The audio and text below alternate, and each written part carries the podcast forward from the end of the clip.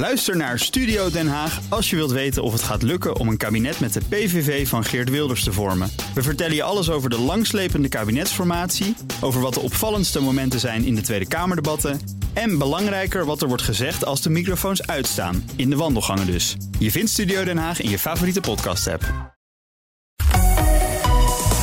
BNR Nieuwsradio. The Big Five. Art Rojakkers.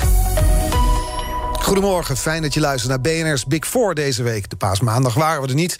We hebben het over de formatie deze week. Want na de politieke chaos van vorige week zijn alle ogen gericht op Den Haag. Hoe wordt de formatie zo snel mogelijk vlot getrokken zodat Nederland door kan? Ik volg de ontwikkelingen deze week op de voet met analisten en journalisten die dicht bij het vuur zitten. Wat gebeurt er achter de schermen? Ze houden ons op de hoogte. En BNR's Big Four van de formatie. Met vandaag Julia Wouters. Jarenlang de rechterhand van Lodewijk Asscher. Ze schreef het boek De Zijkant van de Macht over vrouwen in de politiek. En nu houdt ze zich onder andere bezig met het coachen van vrouwen in authentiek leiderschap. Ja, Klopt, helemaal eh, correct. Ja, goedemorgen, fijn dat je er bent. We beginnen altijd met stellingen in dit programma. Mag je met ja of nee op antwoorden? Met een vrouwelijke minister-president waren we niet in deze chaotische situatie beland. Oneens. Oneens. Linkse partijen moeten één blok worden. Eens. En Sigrid Kaag wordt de eerste vrouwelijke minister-president van Nederland. Eens. Oké, nou, één keer oneens, twee keer eens. We komen op alles terug, hoor. Eerst even die, eh, die Kamervoorzitter. Want dat gebeurde gisteren dan weer in Den Haag. Het, het gaat maar door daar. Het, het, is, het is geen rustig weekje. Nee. Het, eh, hebben. Gisteren is dus Vera Bergkamp als nieuwe Kamervoorzitter gekozen. Hoe kijk jij daarnaar? Nou, ik heb haar een paar keer ontmoet. Ik vind haar een ontzettend leuke vrouw. Ik ken haar al uit Amsterdam toen ze nog voorzitter van het COC was daar. Ik denk dat ze het fantastisch gaat doen. Dus ik wil haar heel graag heel erg feliciteren. Maar ik heb er toch ook, net als heel veel andere mensen, een beetje nare bijsmaak in mijn mond van. Waar zit die nare bijsmaak in? Nou, ehm, ik wist al dat de kans dat zij zou winnen groot was. Maar als je kijkt naar de stemverhoudingen, dan komen die precies overeen met CDA, VVD en D66. En dan komt het op mij toch heel erg over als afgesproken. En er gaat heel veel discussie over dat telefoontje. Hè. Sigrid Kaag heeft gemeld dat Vera zich zou kandideren aan Mark Rutte. Gewoon uit courtesy. Dat is aardig om even te zeggen dat dat gaat gebeuren. Daarna heeft ze zich pas gekandideerd. En um, nou is er de hele tijd discussie over of zij Mark Rutte om steun heeft gevraagd. Maar ik denk dat dat helemaal niet nodig is. Sommige dingen hoef je helemaal niet uit te spreken. Is een beetje meer van, ja, voor wat hoort wat. Dus als jij weer wil dat wij weer een beetje mee gaan werken... misschien kan jij daar ook wat voor mij doen. Dat hoef je niet te zeggen. Ja. En als je Mark Rutte goed kent en weet hoe hij werkt en hoe hij denkt... dan weet je dat dat ja, ook onbesproken kan blijven. Ja, en dan, dan zeg jij het nu diplomatiek. Als ik eh, Geert Wilders even citeer, die twittert dan... altijd wat minder diplo- diplomatiek natuurlijk... die zegt, dit was van tevoren allemaal van tevoren bedisseld en beklonken. Bosma en Ariep hadden geen schijn van kans... want Rutte wil weer vriendjes worden met Kaag. Schaamteloos gesjoemel. Ja, zo kan je het ook formuleren. Maar dat is eigenlijk een beetje wel wat je zegt. Ja. Maar dan diplomatieker. Ja, nou kijk, wat ik belangrijk vind. ehm, wij, de PvdA heeft hier pijn van. Hè? We zijn slechte verliezers dan. We, vinden het echt naar. En ik wil wel even zeggen dat in het verleden de PvdA hier ook gewoon onderdeel van was. Dit was hoe het Van ging. Ehm, en wat ik juist zo ontzettend mooi vind, is dat Khadija Ariep heeft zich gekandideerd los van de partij. Dus eigenlijk hadden de PvdA en de VVD al onder elkaar bedisseld dat Roos voor mij zouden zich kandideren. Dat zou de VVD dan steunen. Dan zou er een meerderheid zijn. Klaar. En Khadija zei. Ik heb ambitie, ik wil dat doen, ik ga mij kandideren. Nou, daar waren de heren achter de schermen helemaal niet zo blij mee. Die waren pissig en zij heeft dat toen echt op eigen kracht gewonnen. Dus Vera zegt nu, ik heb dat op eigen kracht Mhm. Ja, dat gedaan. zegt Vera Bergkamp. Ik heb alles op eigen kracht gedaan in mijn leven en dit ook. Ja, um, Khadija heeft het echt, echt, echt, echt, echt helemaal op eigen kracht Ja. gedaan. Sterker nog, de partijleider Diederik Samson was not amused. Want die Mhm. dacht, de kans dat wij een voorzitter konden bieden... was veel groter als zij zich niet in die strijd ging mengen. En dat heeft ze toch gedaan. En dat heeft ze vijf jaar lang formidabel gedaan. Uh, een, uh, ja, waar ik haar Toch heel... lees ik dan vanochtend, sorry dat ik je onderbreek... in de Volkskrant, dat het ook ergens een, een soort van afrekening met Ariep is. Ja, en dan uh, dat ze dus te streng was over de verhuizing... omdat ze vond dat de Kamerleden veilig moesten zijn. Ja, dat vind ik dan raar. Weet je, dan als je je mond vol hebt over. Dat ze niet snel genoeg meeging. Dus dat, het gaat dan over zo'n quorum. Dus er moeten zoveel Kamerleden aanwezig zijn voor een stemming. Maar dat kan toch ook digitaal? Nee, zegt Ariep. Het kan niet digitaal. Dat zou dan kwaad bloed zetten. Die verhuizing van eh, de Tweede Kamer zou ze niet goed hebben begeleid. Nou, die, die verhuizing heeft ze natuurlijk te goed begeleid. Daar is ze heel streng in geweest. En dat quorum, daar, daar, daar durf ik niks over te zeggen, want ik heb dat niet gevolgd. Um, ik deel wel haar mening dat het op een gegeven moment heel belangrijk was dat er weer zichtbaar politiek was. Mm -hmm. die, in die eerste fase van de lockdown zat iedereen thuis en, en denderden de maatregelen over ons heen. En was de politiek, de Tweede Kamer en hun controlerende functie gewoon helemaal ja, uh, kalt gesteld. Mm -hmm. Um, en dat kan niet. Dat kan echt niet. Ik hoorde gisteren op, uh, ergens op een nieuwsbulletin dat er heel veel landen zijn in de wereld waar er uh, leiders zijn die heel erg misbruik maken van de coronacrisis om hun eigen positie te versterken. Nou, dat is hier niet gebeurd, hè? Nee, dat kan je, moet je ook niet laten gebeuren. Nee, nee. Dat is belangrijk. Is dit nou voor Vera Bergkamp, die dus hopelijk dan het goed gaat doen, uh, en meteen al een krasje in haar geloofwaardigheid? Kan zij een geloofwaardige voorzitter zijn of gaat dit haar achtervolgen? Um, ik denk dat we dat heel snel vergeten als het goed doet. Uh, zij is ook niet zomaar een kandidaat. Weet je, zij is een hele inspirerende vrouw. Uh, lesbisch, bicultureel. Ook, weet je, niet, niet de geëikte kandidaat. Um, uh, zij is een hele sprankelende vrouw. Zij bracht in. Um, want dat wil ik eigenlijk nog even zeggen waar ik Gadisha zo dankbaar voor ben. Gadisha heeft heel erg korte metten gemaakt met seksistische opmerkingen. Als er in het debat iets heel seksistisch gezegd werd, dan riep ze eventjes uh, de heren tot de orde.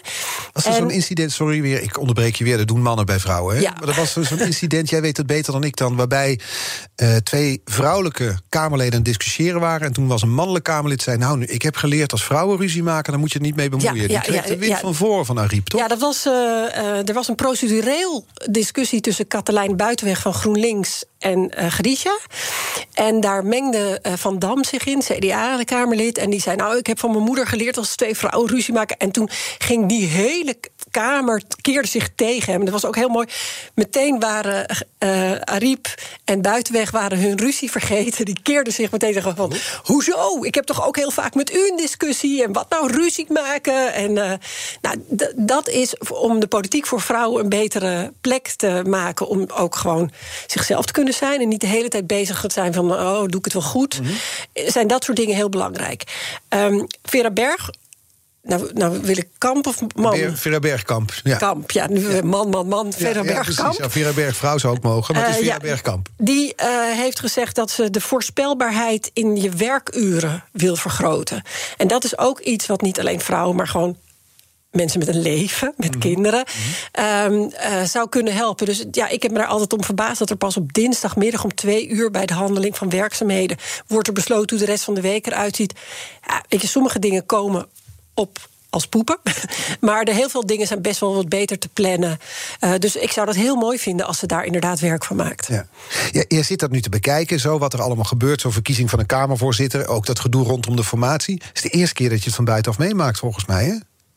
Ja, ja. Hoe zit je nou, te kijken? Is het dan vol frustratie of ben je blij dat je ervan af bent? Dat je niet in deze chaos verzeild bent? Nou, ik ben he eigenlijk heel blij dat ik toch nog uh, in de podcast De Spindokters... die ik samen met Jack de Vries maak... me nog er tegenaan kan bemoeien en alles wat ik vind en denk... en ook in dit soort dingen toch nog een beetje een uitlaatklep heb. Uh, want, die uitlaatklep heb je nodig. Ja, want de politiek is heel verslavend. Um, en ik hoorde uh, Marleen gisteren zeggen dat ze heel veel energie krijgt. Nou, het is natuurlijk adrenaline wat je krijgt. En adrenaline is gewoon een harddrugs. Daar word je hartstikke Marleen de Roy te gast, uh, NOS-verslaggever. En je zegt, het is adrenaline waar we op gaan daar. Ja, en, de, en dat gevoel van die adrenaline doe je... Weet je, wat is de crisis van de dag? Het is uh, killing. Het is vreselijk vermoeiend. Het zijn tropenjaren in de politiek. En het is zo verschrikkelijk verslavend. Mm -hmm. En dus ik heb, gelukkig is er een behoor. Weet je, ik ben in 1 januari 2018 heb ik afscheid genomen uh, van mijn baan bij Lodewijk Asscher. En dus ik heb flink wat tijd gehad om uh, dat afkikproces door te maken.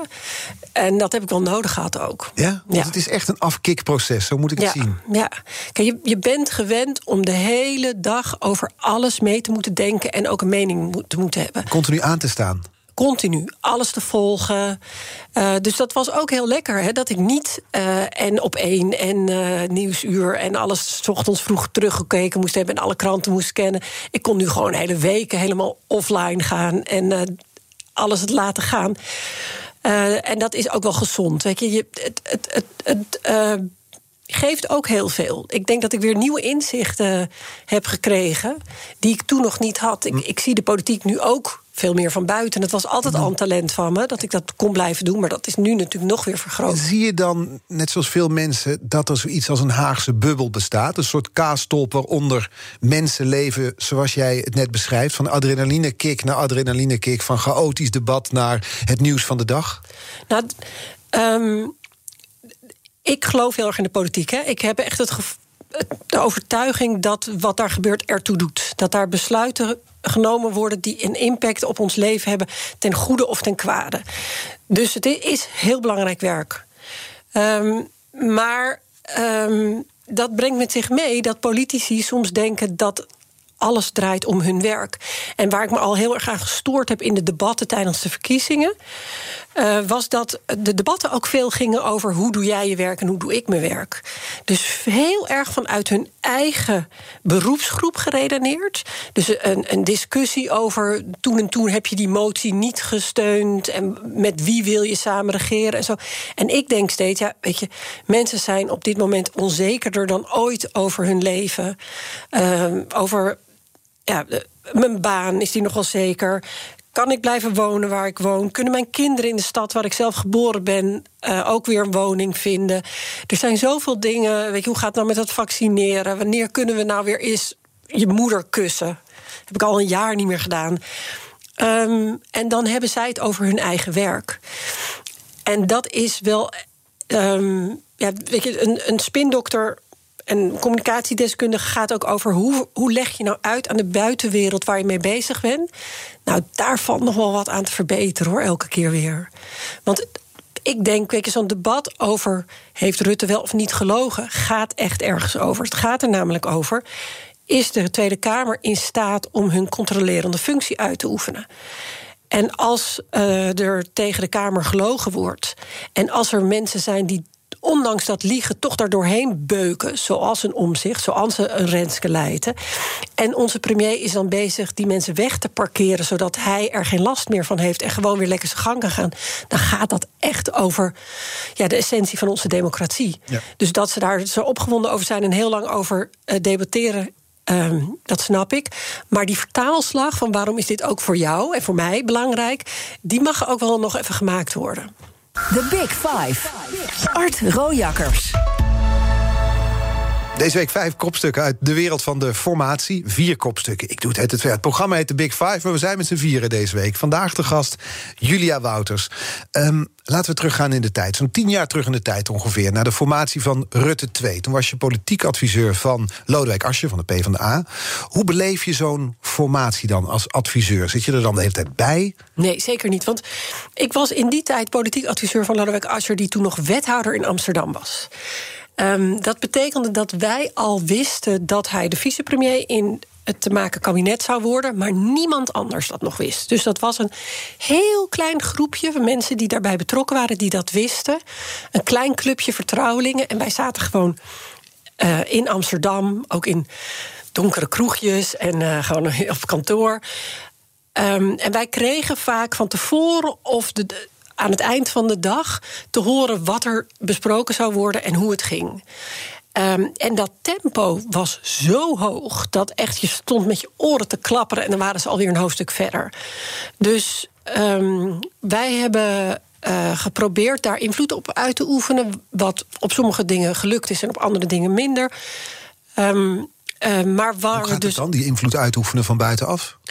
Nou ja, je geeft je commentaar en je opmerkingen... en je hoopt dat er wat mee gebeurt. Wat is het? En uh, Lodewijk zijn stem was wel zwaarwegend. Hè, want hij zou de vicepremier worden. Dus dat betekent dat hij dat beleid... dat hij verantwoordelijk was...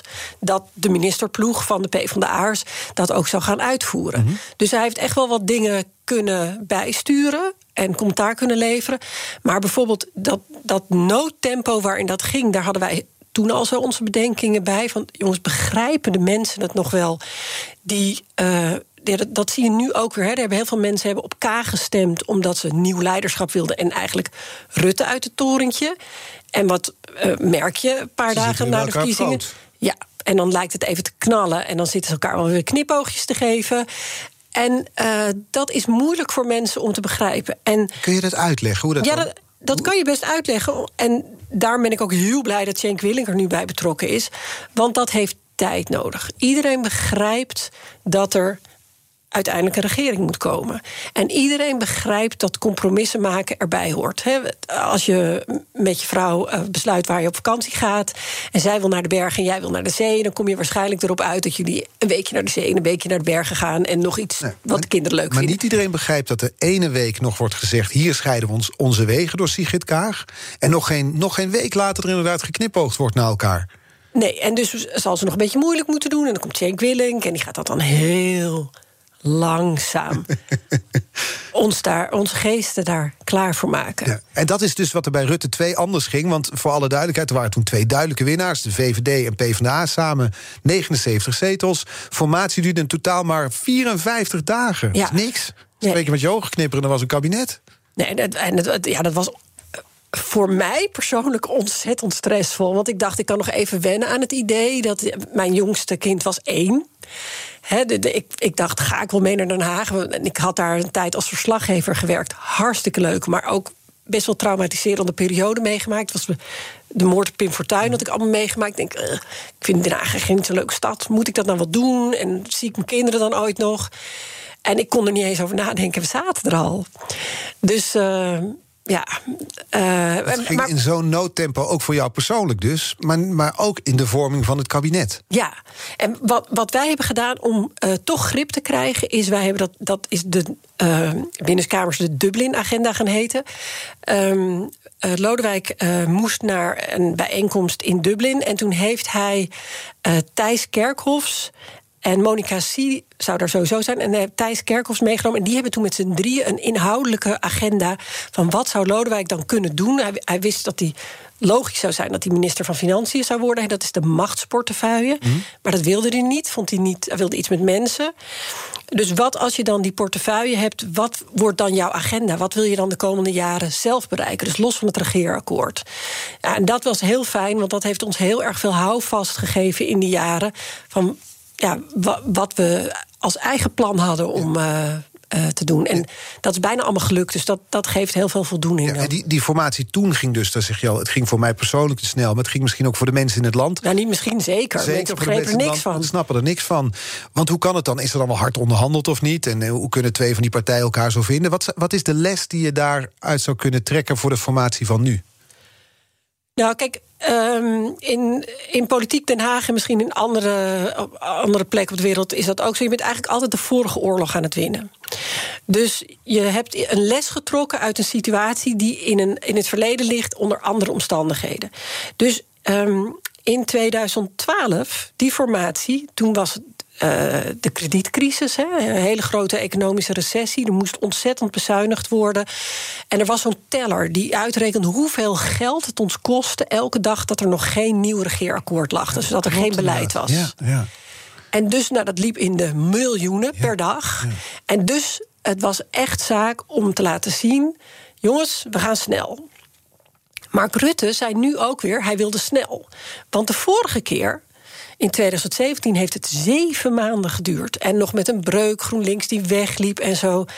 Nou, dat is ook voor Mark Rutte, die dan de premier is... en nog met een demissionair kabinet zit... en het volgende kabinet moet smeden. En dat loopt allemaal door elkaar heen. En dan ging Lodewijk ook nog moeilijk doen... dat hij meer geld voor onderwijs wilde. En dat is ook niet leuk.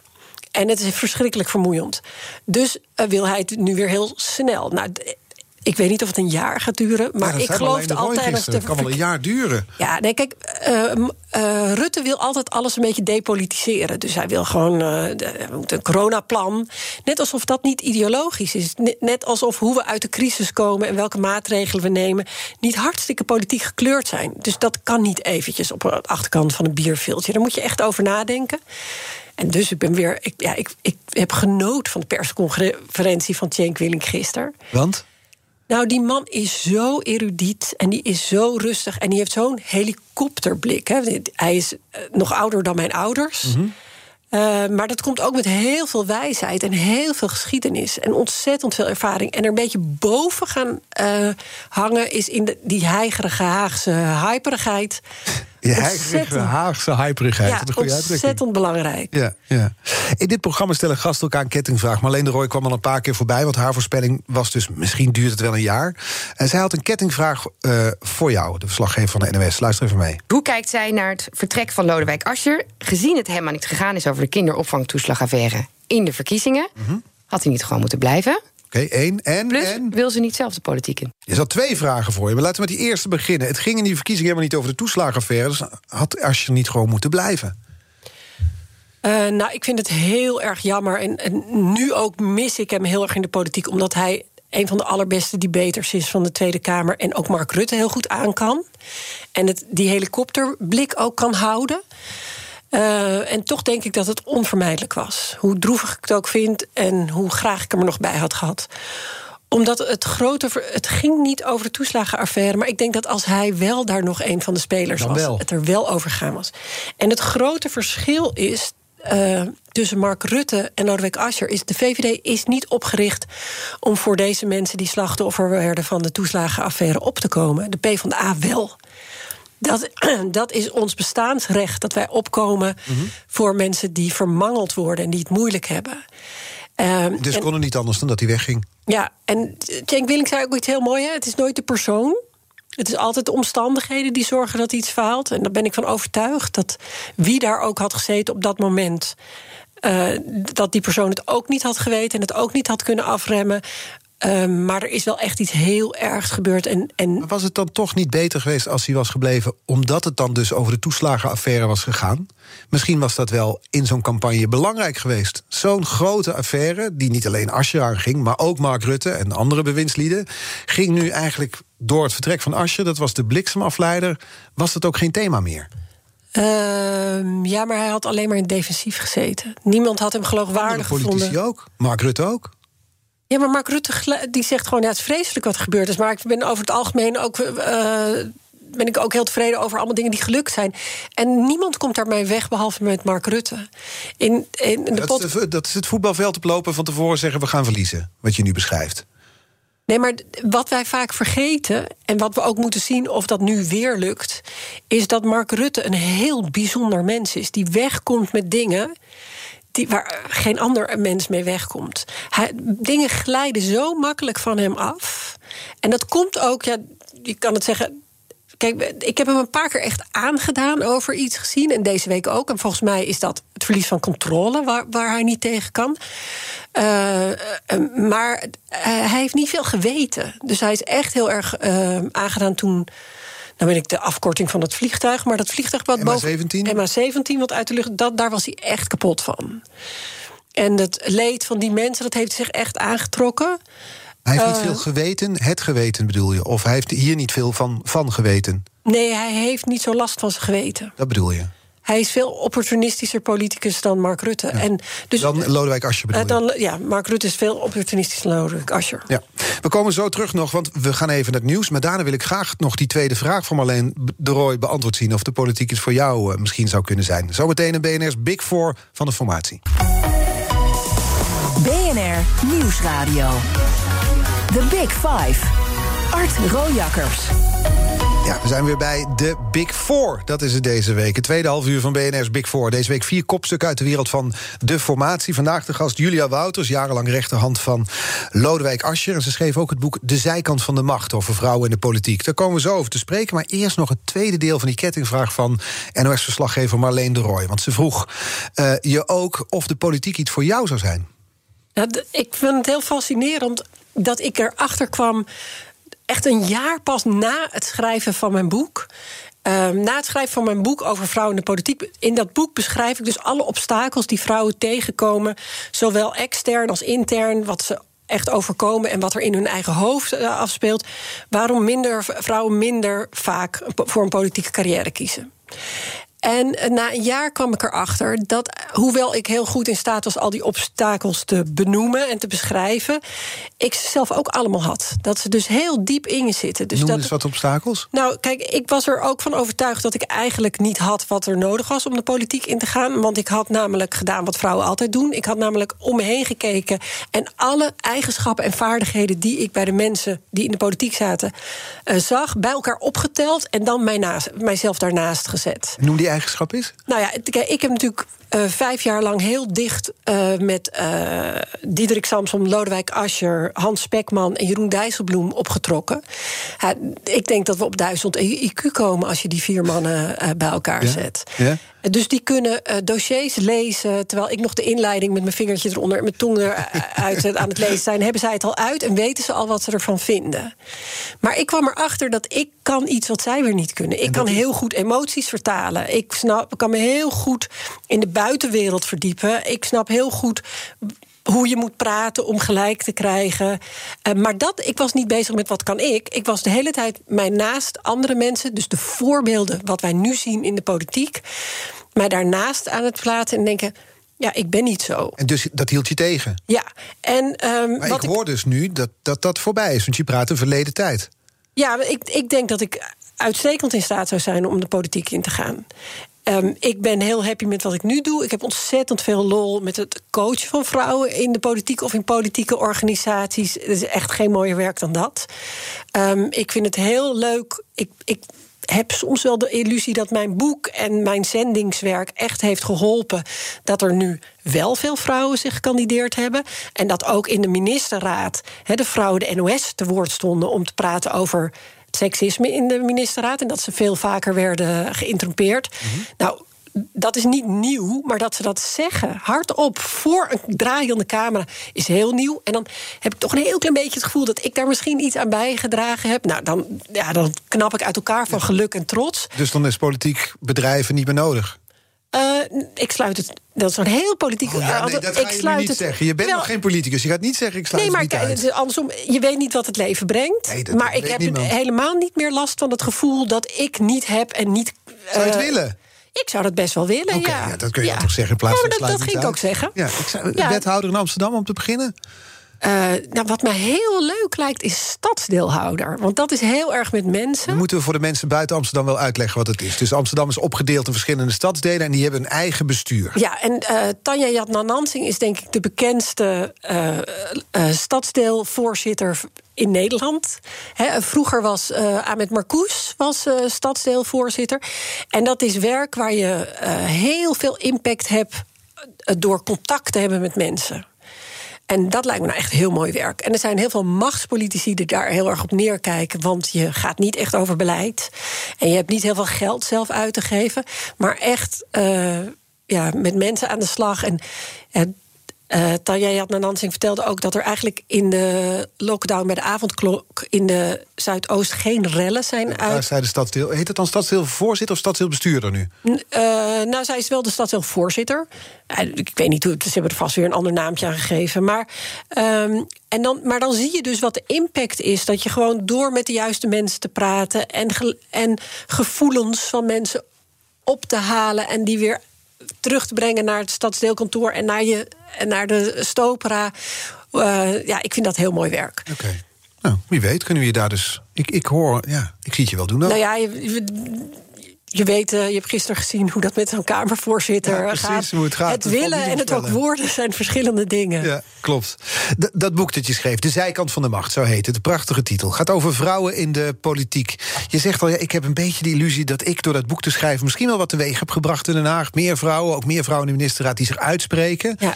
Ehm, maar toch nog even terug naar toen dat boek er niet was. Toen dacht je, het is belangrijk dat zo'n boek als dit er komt. Waarom? Nou, ehm, ik heb net al beschreven wat een adrenalinebubbel hè, de politiek is. Dus ik ging in 2006 ging ik voor Lodewijk Asscher hier in Amsterdam werken. En in 2018 werd ik weer naar buiten gespogen. Toen ik in 2006 begon, toen zag ik allemaal hele inspirerende vrouwen. Ehm, en ik had er heel erg groot vertrouwen in dat er binnen de kortste keren heel veel meer vrouwen ook in de politiek zouden zijn. En toen ik in 2018 weer een keer om me heen keek, of eigenlijk in 2017, toen toen zag ik dat het aantal vrouwen in de politiek niet was toegenomen, maar was afgenomen sindsdien. En ik wilde gewoon weten, hoe komt dat? En, um, Toen ben je met politici, vrouwelijke politici gaan praten. Ja, maar ook met heel veel wetenschappers en onderzoeken gelezen. En ik heb gewoon alle informatie. Het was heerlijk. Alle informatie die ik, waar ik mijn handen op kon leggen. En ook met uh, Amerikaanse deskundigen via Skype gesproken en zo. Ik kan het zo gek niet noemen, of ik heb het opgezocht. En het heeft te maken met rolmodellen. Nou, kijk, um, ik dacht eigenlijk een dun boekje te schrijven. Ik dacht, dit is het probleem, dit is de oplossing. Ja, Kaf eromheen, klaar. klaar. uh, maar wat ik wel heel vaak zeg, is dat... Weet je, 100 jaar geleden waren de obstakels voor vrouwen enorm. Er was gewoon bijvoorbeeld geen kiesrecht. Dat is allemaal opgelost. Alles wat er in wetgeving aangepast kan worden, is inmiddels aangepast. Dus je zou denken, niks meer aan de hand. Het ligt dus aan vrouwen zelf dat ze het nog steeds niet doen. Maar als je dan dus één voor één al die obstakeltjes die er nog zijn bekijkt... en je veegt ze dus op een hoopje, zoals ik gedaan heb in mijn boek... dan zie je dat er gewoon nog een Mount Everest aan problemen is en obstakels. Er een paar beschrijven, de belangrijkste. Um, nou, kijk, dus de beeldvorming. Hè, dus wij, als je denkt aan leiderschap en macht. en je doet je ogen dicht en je doet er een plaatje bij in je hoofd. dan zie je een man in een blauw pak. En. Um, soms uh, ja, laat zij Twan Huis bij M tegen mij. Ja, maar Angela Merkel. Ja, Angela Merkel. En dan? Heel lang niks.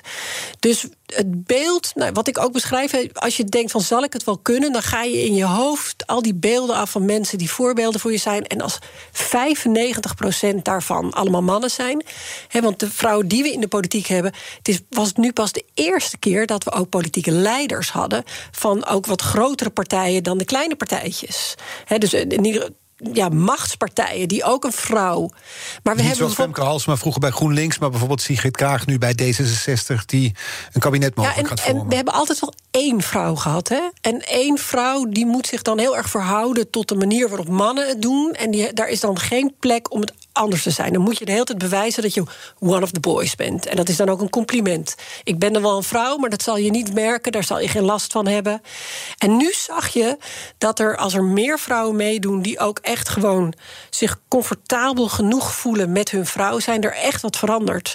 Dus seksisme werd een onderwerp in de campagne. Nou, ik volg die campagnes al heel lang. Dat is nooit een onderwerp. Nou ja, kijk, seksisme hoeft voor mij niet eens een onderwerp te zijn... maar überhaupt dat er vrouwen bestaan in Nederland... was nog nooit een onderwerp. Dus onderwerpen die stereotyp belangrijk zijn voor vrouwen, die kwamen nooit aan de orde in de stellingen. Daar heeft de journalistiek natuurlijk ook een rol in. In de mhm. stellingen, in verkiezingsdebatten. Het was altijd. Het woord vrouw viel alleen maar om moslims mee te bashen. Maar toch even nu uh, het even omdraaien. Ik, ik heb een verhaal gehoord, uh, dat is me verteld, dat Gerrit Salm heeft ooit bij het formeren gezegd: ja, kijk, als je een man vraagt of die minister wil worden, dan zeggen ze al ja, nog voordat gezegd is van welk departement.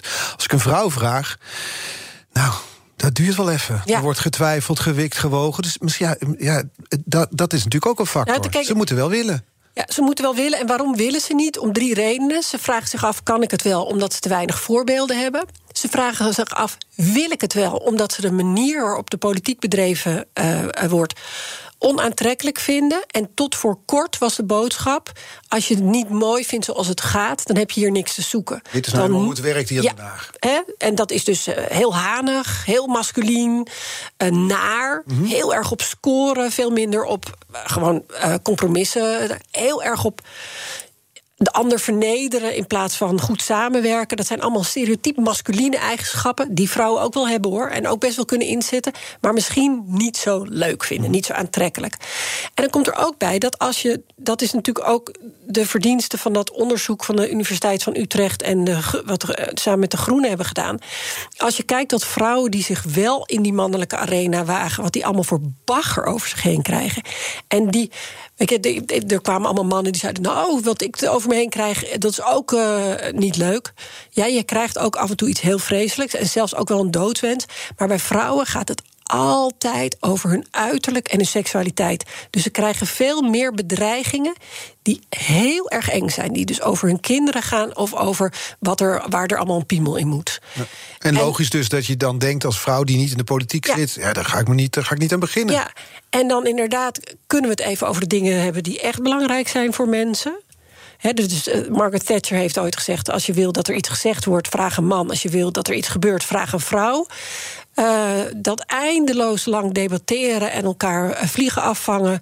Ja, dat vinden vrouwen ook niet altijd even aantrekkelijk. En daar wil ik ook bij zeggen: heel veel mannen vinden dat ook niet aantrekkelijk. Hè? Dus als de politiek aantrekkelijker wordt voor vrouwen, dan zie je dat die ook aantrekkelijker wordt voor een hele hoop mannen die de politiek nu ook niet aantrekkelijk vonden. Nee, en volgens mij zit een bewijs er ook in dat alle vrouwen, die, die waren tot voor kort vaak de nummer twee, die kregen een enorme hoeveelheid voorkeurstemmen altijd. Ja, ja. Ja, maar wat ik heel mooi vond... Sigrid Kaag gaf een interview aan de Volkskrant... en er, kwam altijd bij iedereen, het was zo'n hele reeks... dezelfde vraag. Dus wat is het eerste wat je doet als je de sleutels van het torentje hebt gekregen? Dus nou, eerst een kopje koffie drinken... en daarna de kinderopvang gratis maken. Dat is uniek. Er is nog nooit een politiek leider geweest die zo'n antwoord gaf. Terwijl, nou ja, Jij hebt ook kinderen. Jij weet ook wat de kinderopvang kost. Jij bent er ook bij gebaat dat dat wat betaalbaarder wordt of zelfs gratis. Hartstikke fijn. Er zijn zat mannen die dat ook belangrijk vinden. Mhm. En toch op een of andere manier, als je serieus genomen wil worden. Ga niet over beginnen. Ga je daar niet over beginnen. Hè? En bovendien heb je altijd, je kan altijd nog je vrouw vragen om wat minder te gaan werken als het te duur wordt. Ja. En uh, dat zij dat zei en er, zich daar ook comfortabel genoeg bij voelde. Heel veel vrouwen worden daar super enthousiast van. Ik denk dat dat echt bij de overwinning van D66 een, uh, echt een rol heeft gespeeld. En dat vergeten veel politici vaak. Dat gewoon de helft van Nederland, de helft van de wereld, is gewoon vrouw. BNR Nieuwsradio. The Big Five. Art Rojakkers. De Big Four deze week. De BNR, BNR's Big Four van de formatie. Met vandaag de gast Julia Wouters. Ja, we begonnen deze, uh, dit uur met een aantal stellingen. Die, die wil ik nog even met je nalopen. De eerste was met een vrouwelijke minister-president... waren we niet in deze chaotische situatie beland. Je hebt net een vurig pleidooi gehouden voor meer vrouwen in de politiek... voor de politiek meer verwelkomend maken voor vrouwen. En toch zei je hierop oneens. Ja, omdat um, vrouwen zijn niet betere mensen Vrouwen hebben ook een. Uh, nou ja, vrouwen zijn net mensen. Dus ze hebben een minpunt en een pluspunt. En niemand had deze chaos kunnen voorkomen. Nou, dat weet ik niet. Misschien hadden we een andere chaos gehad. Maar ik, ik, ik wil er altijd voor waken. Ik vind het heel erg belangrijk dat vrouwen deelnemen, volwaardig deelnemen. En onderwerpen die belangrijk zijn voor vrouwen. Ook op de agenda staan in de politiek omdat vrouwen de helft zijn. Niet omdat vrouwen superieur zijn aan mannen. Niet omdat als. Kijk, in de. Um, 100 jaar geleden hebben vrouwen kiesrecht gekregen omdat er ook geloofd werd dat uh, na de Tweede Wereldoorlog. Uh, de Eerste Wereldoorlog. Nee, wacht even. In, nee, in, we hebben dus nou ben ik even de, de kwijt. Maar een van de redenaties was... oh ja, na de Eerste Wereldoorlog. Ik denk, waar zit ik nu? Ja. Hoe kom ik honderd jaar geleden? Precies. werd gedachte van... nou kijk eens wat mannen er een zootje van gemaakt hebben. Vrouwen gaan dat beter doen. En toen kwam de Tweede Wereldoorlog. dus, dus, nee, vrouwen in de politiek nee, hielp niet om een oorlog af te wenden. Andere stelling was... Sigrid Kaag wordt de eerste vrouwelijke minister-president van Nederland. Nou kan niemand voorspellen. Maar je hebt het veel beter ingevoerd dan ik of dan onze luisteraars. Daarop zei je eens. Uh, ja, ik, ik, weet niet of Sigrid Kaag de eerste vrouwelijke premier wordt. Maar, ja, Jawel, je zei eens. Ja, ja maar kijk, ik, kan, ik, kan, uh, ik moet eens of oneens Precies. zeggen. En waarom zei je eens? Nou, ik denk dat het, de kans dat de volgende premier een vrouw is... heel groot is omdat je zag ook dat. Ik denk dat Kaag een behoorlijk aantal stemmen heeft uh, gekregen van mensen die um, vonden dat het nu wel eens tijd was voor een vrouw. En voor ander soort leiderschap. Um, en dat hebben ze ook heel slim gepakt. Hè? Dus nieuw leiderschap, wat dat nou precies betekende, dat weten we nog steeds niet. Dat, dat bijt ze nu heel erg in de staart.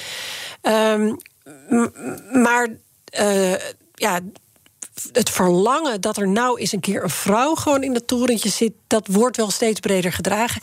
En ik heb ook heel erg het gevoel dat Weet je, het kan 100 jaar duren, het kan 200 jaar duren. En dan opeens is het de normaalste zaak van de wereld. En er, het begint nu wel momentum te krijgen. Dus je merkte ook de onderlinge debatten. Vrouwen die met elkaar in debat gaan tijdens de verkiezingen, die waren anders van toon. En dat vonden we eigenlijk heel prettig. We moesten eraan wennen, maar het was fijn. En. Um, het kan zo opeens gebeurd zijn. dus, uh... Als je zegt de volgende minister-president, dan bedoel je die na Rutte 4 of bedoel je dat het dan Kaag 1 wordt? Ik, ja, ik, ik ben er wel van overtuigd dat we gewoon weer Rutte 4 krijgen. Waar? Ja. Gewoon... Je bent de derde al deze week die dat zegt. Jack de Vries zei hetzelfde, maar Leen de Roy zei, zei het ook. Er komt gewoon een kabinet Rutte 4. Ja, en dat zit niet lang. Uh, want er komen twee enquêtes aan uh, die, uh, ja, weet je waar dit eigenlijk voorspel van was? Groningen komt een enquête waarschijnlijk toch? Ja. En over de toeslagenaffaire. Ja, en dan komt er nog eentje over corona. En dan komt er nog heel veel bagger. Uh, en op een gegeven moment is het krediet van ook de Teflon-president is wel gewoon op. Dus die vier jaar gaat Rutte. Het is wel Rutte 4, maar vier jaar gaan ze niet zitten, denk ik. Nee, ik denk dat het heel kort wordt. Ook hoe dit. Weet je, het lukt ons heus wel weer om de eindjes aan elkaar te knopen en zo. Maar dit, dat, ja, het vertrouwen is weg. Ja. Dus voor iedereen die straks gevraagd wordt: wil je minister worden in Rutte 4, kun je beter nog een jaartje twee wachten. Uh, nou, dat, dat maakt de kans dat we heel veel vrouwen in het kabinet krijgen weer groter. Elk nadeel heeft zijn voordeel, zei hij toch ooit, Ja, nee, dat, dat, is het, het glazen klif. Hè. Dus je hebt het glazen plafond en de glazen klif. Ja. En als het risicovol is, dan moeten vrouwen het een ja, keer doen, of het, toch? Ja, of het een rotklus is. Dan, hup, ondankbaar werk. En vrouwen zeggen dan ook vaker wel ja. Om dan mhm. gaat het opeens niet over ego, maar over plicht. Mm en dan zie je dat uh, ja, de kans dat er dan uh, een heel kabinet vol vrouwen komt, een groot stuk groter wordt. Ja, maar ja, dan, die zitten dan maar misschien maar twee jaar. Jawel, maar dat hebben we toch allemaal wel in die beeldbank in ons hoofd gewoon wat plaatjes toegevoegd. De beeldbank in ons hoofd, stel? Ja, ja weet je, jij zegt te weinig rolmodellen, hè, te weinig voorbeelden. Uh, um, kijk, mijn dochter groeit nu op in Amsterdam met een burgemeester die lijkt op haar moeder. Mm -hmm. krulletjes ook en uh, een vrouw. Um, dat maakt dat zij al veel uh, vanzelfsprekender nadenkt over dat zij later ook burgemeester kan worden dan als ze dat nog nooit had gezien.